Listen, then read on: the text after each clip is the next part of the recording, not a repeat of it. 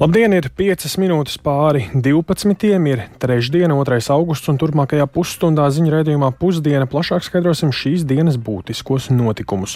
Studijā Kristaps Feldmanis, esiet sveicināti. Šodien var izšķirties, vai Rīgas domes lielākā frakcija par progresīvie arī turpmāk būs domas koalīcijā. Par to nu pat sākusies līdzšinējā kodola četru frakciju kārtējā tikšanās, kurā piedalā, piedalās par progresīvie, jaunā vienotība, Nacionālā apvienība, Latvijas reģiona apvienība un deputātu bloks Kots Rīgai. Notikumiem aktīvi sako līdzi mūsu kolēģis Viktors Demidovs, ar kuru šobrīd esam sazinājušies. Sveiks, Viktor! Lūdzu, pastāsti, ar kādu redzējumu ir atnākusi katra no frakcijām un ko sagaida no šīs sarunas. Jā, sveiks, Kristaps, sveicināti Latvijas radio klausītāji. Un jaunā vienotība un Nacionāla apvienība sagaida, ka progresīvie piekritīs izteiktajam kompromisa priekšlikumam, ka viņu pārziņā ir gatavi nodot pilsētas attīstības komiteju. Tādējādi progresīvajiem būs četras no astoņām komitejām, bet atlikušās, atlikušās četras komitejas tad pārējiem trim politiskajiem spēkiem. Un tas jau parāda, ka proporcionalitāte nav ievērota.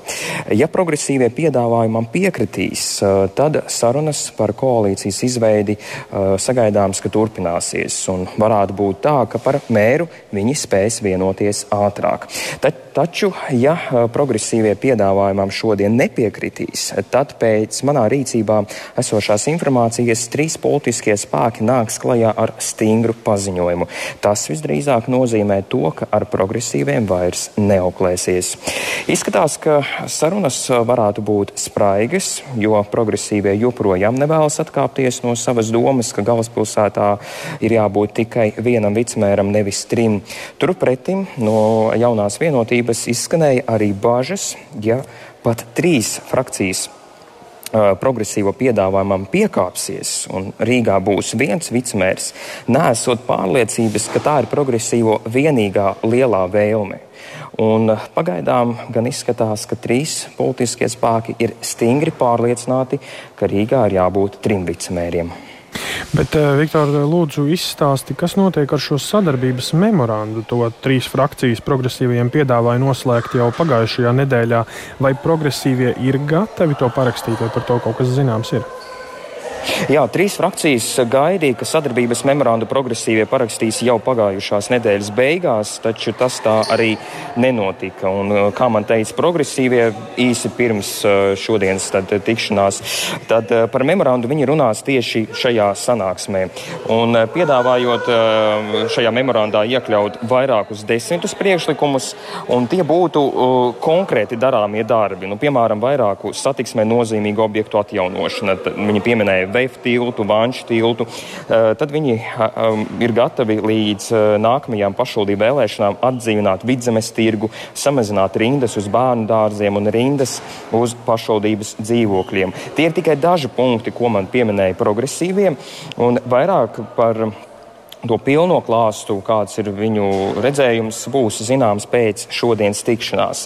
Eh, domāju, ka pieminētie piemēri ir aktuāli arī pārējiem trim, eh, pārējām trim frakcijām, bet tas klupšanas akmens vairāk ir tas, tieši tas vicemēru mm -hmm. jautājums, nevis uh, sadarbības memorands. Mm -hmm. Paldies, paldies teikšu kolēģim Viktoram Demīdovam par izklāstu saistībā ar aktualitātēm Rīgas domē un tās koalīcijā. Mēs turpināsim ar citām aktualitātēm valstī, un e, šodien pēcpusdienā sanākot koalīcijas un sociālajiem partneriem plānota darba grupa, lai skatītu konkrētus scenārijus potenciālajai nodokļu reformai.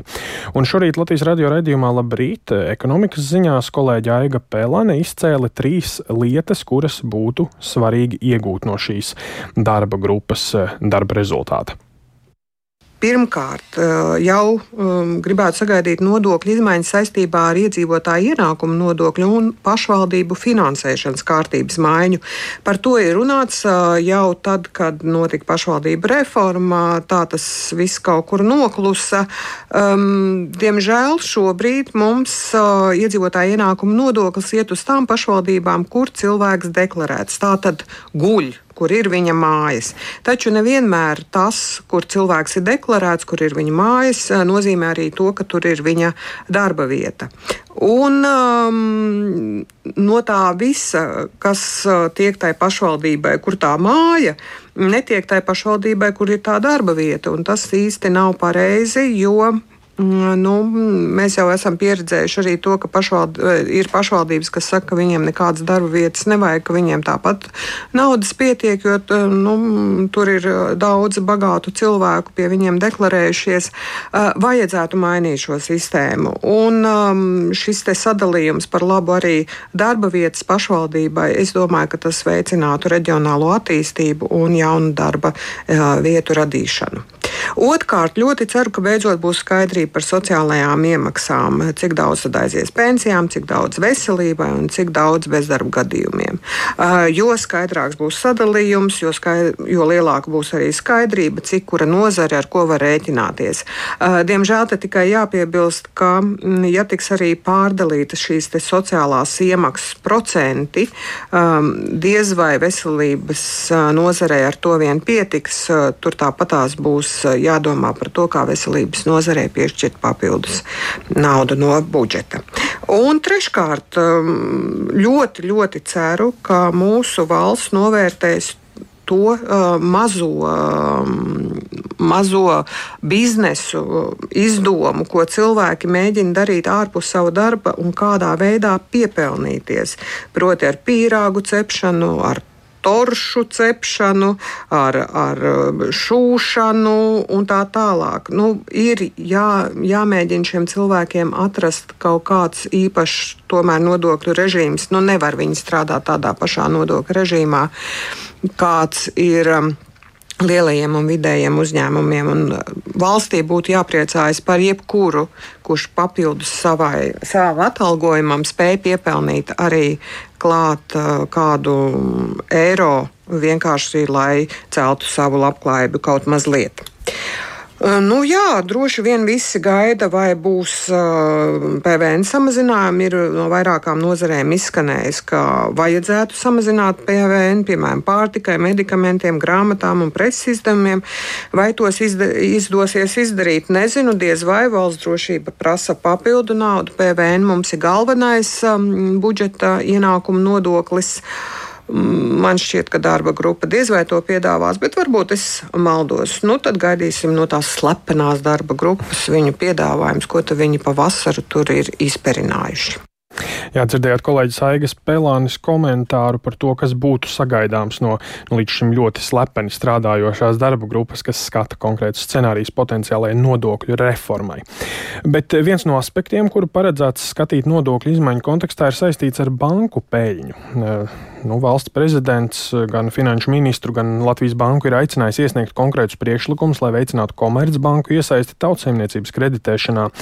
Un, ja risinājums neizdosies gūt, nu, varētu notikt izšķiršanās par kādu no scenārijiem banku virspēļņas novirzīšanai valsts budžetā. Un viens no risinājumiem ir Lietuvas modeļa pārņemšana, kurā bankām, kurās šobrīd pelna labi, piemērotu šo virspēļņas nodokli. Un par šiem iespējamajiem scenārijiem šorīt eh, programmā Labrīt sarunājos ar Latvijas bankas prezidenta vietnieku pētnieci Santu Purgaili. Mēs uh, saucam bankas uz dialogu, uz darba sesijām un redzam, ka rezultāti lēnām, bet nāk. Redzam, ka arī uh, bankas visai nesen demonstrēja uh, savus rezultātus pirmajā pusgadā, kur uh, kreditēšana atsevišķos segmentos pat ir būtiski pieaugusi salīdzinājumā ar pagājušo gadu. Uh, Bet, protams, runājot par kreditēšanu, jāsaka, ka mēs uh, Latvijas bankā noteikti šobrīd arī nesagaidām, ka bankas aktīvi uh, tieši šobrīd audzēs savus kredītu portfeļus, jo šī, šajā konkrētajā ekonomiskā ciklā uh, pie pieaugušām likmēm uh, tas visticamāk nenotiks. Bet uh, mēs runājam par to, lai nākamajam ekonomiskam izaugsmes ciklam bankas būtu pilnībā gatavas finansēt ekonomiku un uh, ejam punktu pa punktam cauri visiem tiem darbiem, kas ir jādara bankām. Un ir izskanējis priekšlikums pārņemt tā saucamo Lietuvas praksi, ieviešot banku virspēļņas nodokli. Nu, kā Latvijas banka skatās uz šo jautājumu, Lietuvas modelis? Nu, jā, šis, protams, šobrīd ir ļoti aktuāls tieši šos te fin, nodokļu grupas jautājums. Un, un, cik zināms, šodien šī nodokļu konsultācija grupa sanāk. Jāsaka, ka tā ir tiešām politiska izšķiršanās, kuru ceļu uh, finanšu ministrija un, un eksperti nolems uh, doties, jo uh, paralēli šim te, uh, Lietuvas, kā jūs teicat, uh, solidaritātes maksas Uh, piemēram, ir arī uh, Igaunijas piemērs, ja, kur uh, vairāk tiek skatīts uh, tieši uzņēmuma ienākuma nodokļa re reforma, veids, kādā veidā piemēro uzņēmuma ienākuma nodokli un tieši uh, finanšu sektoram. Latvijas bankā redzējums būtu tāds, ka, uh, protams, šajā nodokļu reformas kontekstā mēs redzam, ka uh, finanšu sektoram šādas izmaiņas varētu tikt piemērot. Bet galvenais jāskatās, kāds ir mērķis šai nodokļu piemērošanai. Man liekas, ka mērķim ir jābūt uh, ilgspējīgam un konkurētspēju veicinošam tieši Latvijā. Ja mēs skatāmies, ka notiek šāda veida nodokļu pārmaiņas, tad mums būtu gala rezultātā jāpanāk tas, ka Latvija ir konkurētspējīgāka par saviem kaimiņiem. Tas piesaistītu tomēr interesi par šo sektoru un veicinātu konkurenci banku ziņā, jo tieši konkurence ir tā lieta, kas mums šobrīd ir būtiski nepieciešama. Tāpēc es teiktu, ka ilgspējīgāk noteikti būtu skatīties tieši uz to sakām, Igaunijas variantu, jeb uzņēmumu ienākumu nodokļu uh, regulējumu. Tas būtu Latvijas bankas ieskatā vērtīgāks uh, risinājums. Nu, lūk, dzirdējāt fragment no sarunas ar Latvijas Bankas prezidenta vietnieci Santu Purgaili. Runājām par to, nu, ko darīt ar Latvijas Komercbanku lielo peļņu. Tik tālu par notikumiem pašmājās, bet nu, pievērsīsimies aktuālajiem ārzemēs. ASV bijušajam prezidentam Donaldam Trumpam ir izvirzītas krimināla apsūdzības par mēģinājumu ietekmēt 2020. gada prezidenta vēlēšanu rezultātus. 45 lapas pušu biezajā apsūdzības rakstā apgalvots, ka Trumps ir organizējis plašu sazvērestību ar mērķi saglabāt varu pēc zaudējumu Džo Baidenam. Šīs ir kārtējās krimināla apsūdzības pret Trumpu, taču pagaidām nekas neliecina, ka tās varētu traucēt viņam iegūt Republikāņu partijas nomināciju 2024. gada ASV prezidenta vēlēšanās. Turpina Uldis Česberis.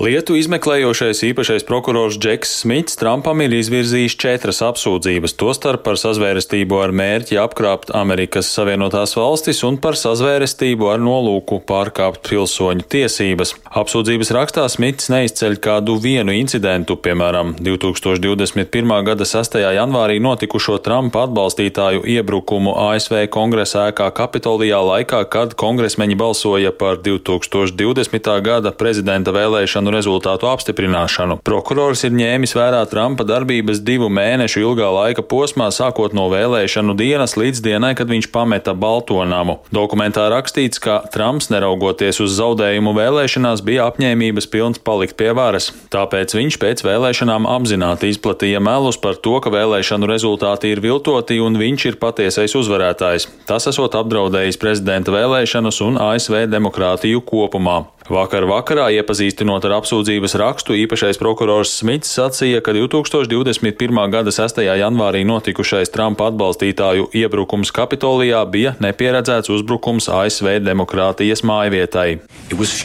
Lies.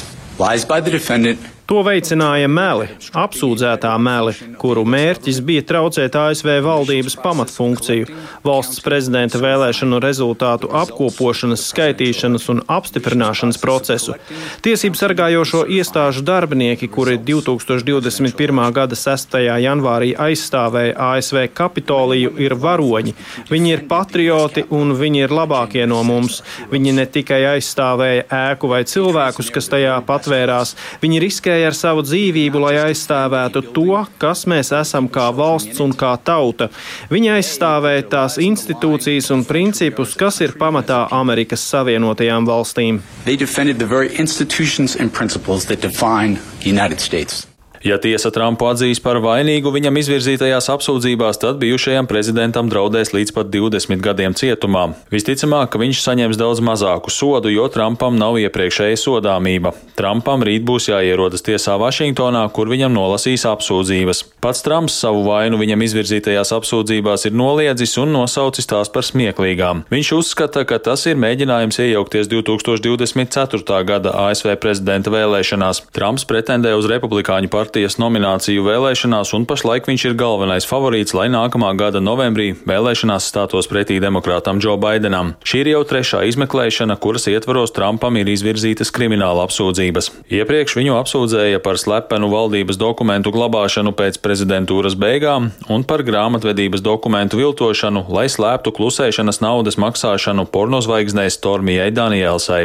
Uldis Česberis, Latvijas radio.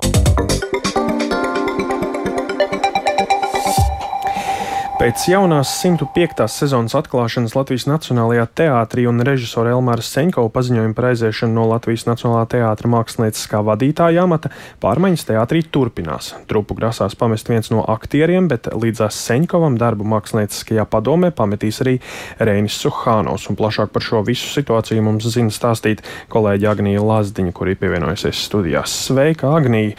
Nu, lūdzu, stāst, kurš aktieris grasās aiziet un kāpēc atlūgumu uzrakstīja arī Reinis Suhānos? Klaus.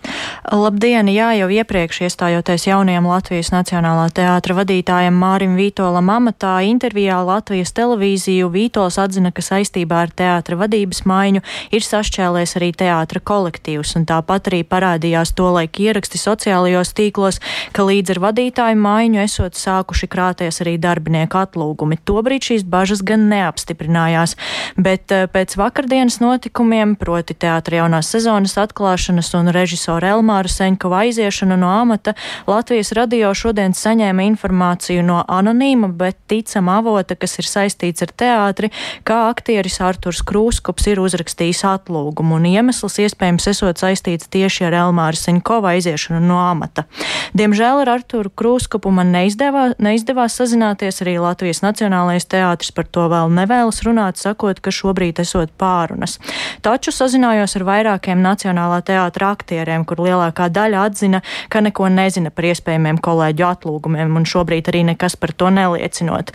Bet eh, skaidri zināms tas, ka scenogrāfs un režisors Reinis Suhanovs pamet māksliniecisko komandu, un paklausīsimies, ko viņš saka uzrakstījāt lūgumu, lai būtu godīgs pret sevi un arī pret gan iepriekšēju, gan jauno Nacionālā teātra valdes locekli. Un zinot arī, ka mākslinieckam vadītājiem Elmāram Ceņkovam beidzās darba līgums 1. augustā, lai mēs visam kā mākslinieckā komanda būtu kaut kādā vienotā juridiskā statusā. Un man kā samērā brīvam cilvēkam nekad nav paticis būt kaut kādos tādos spiestos uh, apstākļos un arī citam uz, uzspiest sevi. Par iemesliem, kāpēc viņš ir izvēlējies pamest māksliniecisko komandu, plašāk stāstīšu programmā pēcpusdiena. Paldies kolēģei Agnijai Lazdiņai par skaidrojumu, bet nu, pievērsīsimies kam pavisam citam - jautājumam par notekūdeņa attīrīšanas iekārtām. Šis jautājums kļūs aktuāls pēc Liepājā notikušās avārijas ūdens attīrīšanas iekārtās. Ar to darbu problēmas ir arī Tukuma novadā. Tur gan tās saistītas ar grūtībām šīm iekārtām pieslēgties. Proti, pie jūras ciemos Tukuma novadā uzņēmēju un iedzīvotāju iedzīvotāji spiesta lielu naudu tērēt notekūdeņu izvešanai, jo citu risinājumu pagaidām nav. Tā šorīt Latvijas radio raidījumā labrīt skaidroja laikraksta neatkarīgās tukuma ziņas galvenā redaktore Ivona Plaude. Problēma ir tāda, ka ne tikai mūsu novadā, bet arī citvietā Latvijā vairāk nekā 300 uh, mājsaimniecību nav vispār pievienot centralizētai kanalizācijas sistēmai, tātad arī neattīrīšanas uh, sistēmām. Un, uh, nav arī nekādas perspektīvas, ka tas tiks izdarīts, jo ļoti daudzos ciemos, tāpat kā mūsējos, kā piemēram Ragaciemā, kas ir uh, gana biezi apdzīvots, vispār nav šīs centralizētās kanalizācijas. Un, attiecīgi, nu, visas šīs grūtības, kas saistītas ar kanalizācijas novadīšanu, attīrīšanu un uh, kanalizācijas ūdeņu nepieļaušanu tam, ka tie tiek novadīti arī jūrā un citās ūdenskrātuvēs nenonāk.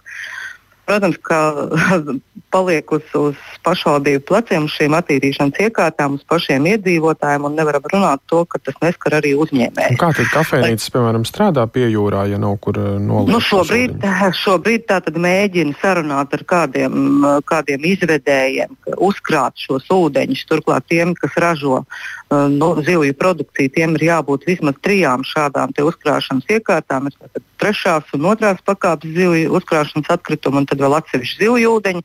Un ceturtais šī uzkrāšanas bedrei, turklāt tai jābūt arī pilnībā noslēgtai, hermetiskai, ir uh, uzglabāti pārējie kanalizācijas ūdeņi, un tad tie ir jāizved. Tad tās ir milzīgas izmaksas to nodrošināt noteikti. Milzīgas izmaksas, jo mēs, nu, ja paskatāmies kaut vai tukuma ūdens, uh, izmaksas tukuma ūdens šobrīd no 1. Uh, augusta ir pārņēmušas šīs te, uh, ūdens saimniecības arī pie jūras pagastos, jo pirms tam tur bija savi uzņēmumi šajos ciematos tad mēs zinām, ka vienas tādas bedres izvešana, kur nu, parasti izvedējs ņem vismaz 12 līdz 15 kubus, tas varētu izmaksāt uzņēmējiem pie 200 eiro plus vēl kilometrāža. Uh, Tas ir tikai tāds, tāds viens izgājiens, bet, nu, teiksim, viena kafejnīca saka, ka šāda izvešanas darba ir nepieciešama vismaz divreiz mēnesī. Tad pareiķiniet, kādas tās ir izmaksas tikai izvedot kanalizācijas ūdeņus.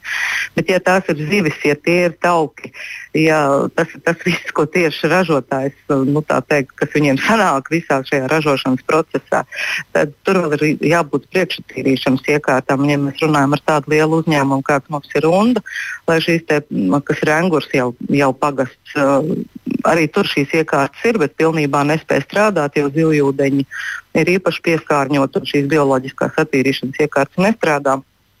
Un, attiecīgi, patiesībā šāda uh, veida attīstībai, lai vispār kaut ko darītu, un šīs priekšsatīrīšanas iekārtas izbūvēt, tam ir vajadzīgs vismaz, nu, un tas gadījumā tas būs vismaz pusmiljons eiro. Bet vai pašvaldības kaut ko var darīt, nu, konkrēti Tukuma novads šobrīd? Uh, pašvaldības dara, ko vien var, bet nav iespēja tādai papildu attīstībai. Nu, jāsaka, Lapmešciemā iekārtas, protams, tur ir pašu neizdarība, ilgstoša un arī, arī valsts atbalsts ir trūcis šajā ziņā, jo, piemēram, lapmašiem attīrīšanas iekārtas uh, divus gadus jau tiek testētas, nevar nodot eksploatācijā šo pirmo kārtu, lai gan ir paredzētas jau septiņas kārtas. Tieši tādēļ, pieņemsim, lapmašu ciemā, nu, kur būtu tas tuvākais, kas arī samazinātu šīs izdevumus kanalizācijas ūdeņu pieņemšanai.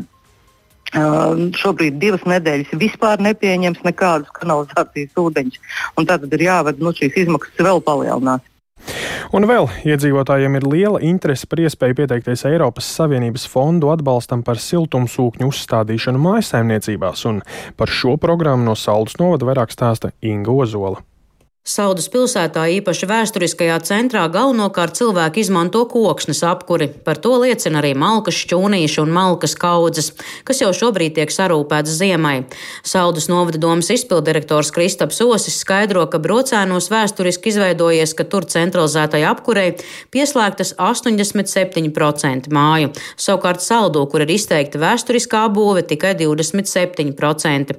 Novadam pašlaik tiek izstrādāts jauns teritoriālais plāns plānojums, tāpēc darba grupā tiek diskutēts arī par vidē draudzīgākiem apkuras veidiem. Šobrīd tieši pilsēta iedzīvotāji var izmantot iespēju un pieteikties Eiropas Savienības fondu atbalstam siltumsūkņu uzstādīšanai, kam paredzēti 3,5 miljonu eiro.